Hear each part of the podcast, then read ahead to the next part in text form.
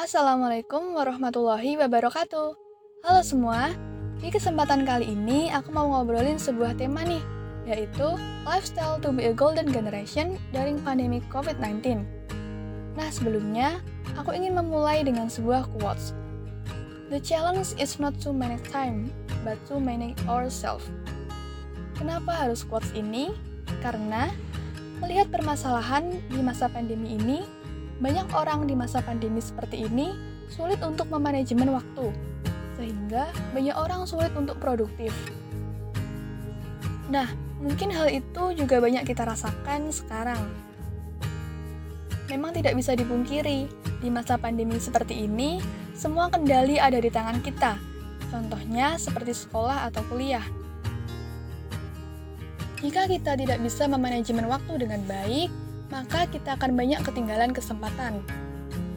Nah, ditambah lagi, semua kegiatan yang dilakukan di rumah aja membuat kita keseringan berada di zona nyaman. Namun, di sini aku akan sedikit berbagi tips untuk meningkatkan kualitas diri di masa pandemi.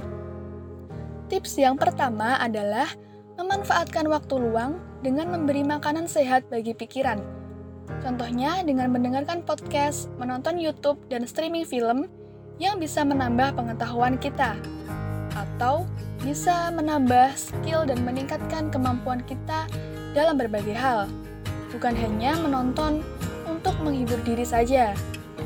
Nah, yang kedua adalah mengembangkan skill dan hobi.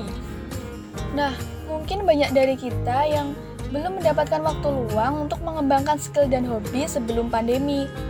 Maka dari itu, di masa pandemi inilah kita mempunyai banyak waktu dan peluang untuk mengembangkan skill dan hobi. Ditambah lagi di masa pandemi seperti ini, kita lebih dekat dengan teknologi yang tentunya akan bisa menunjang skill dan hobi kita.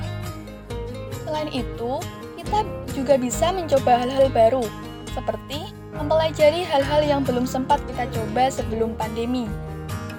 Nah, dengan ini mungkin kita akan mendapatkan atau menemukan passion kita. Kemudian tips yang ketiga adalah bergabung ke dalam suatu komunitas atau mengikuti kegiatan volunteer yang sesuai dengan minat kita.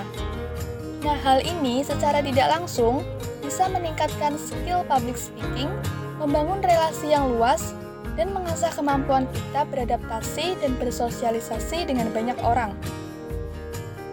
Kemudian, tips yang keempat adalah membangun habits yang baik dari perubahan kecil yang kita lakukan setiap hari. Intinya, jangan langsung mengharapkan perubahan besar, tetapi mulai beranilah untuk bergerak melakukan perubahan kecil setiap hari. Karena hal ini, jika dilakukan dengan konsisten, lambat laun akan menghasilkan perubahan besar yang dapat kita rasakan dengan signifikan. Di akhir kata, aku ingin menyampaikan bahwa semua pilihan berada di tangan kita. Pandemi ini bisa kita jadikan sebagai hambatan ataupun bisa kita jadikan sebagai peluang untuk meningkatkan kualitas diri, tergantung dengan bagaimana kita mau bertindak. Kembali lagi pada quotes di awal, bahwa tantangan kita bukan untuk memanajemen waktu, melainkan memanajemen diri kita sendiri. Sekian dari saya, terima kasih. Wassalamualaikum warahmatullahi wabarakatuh.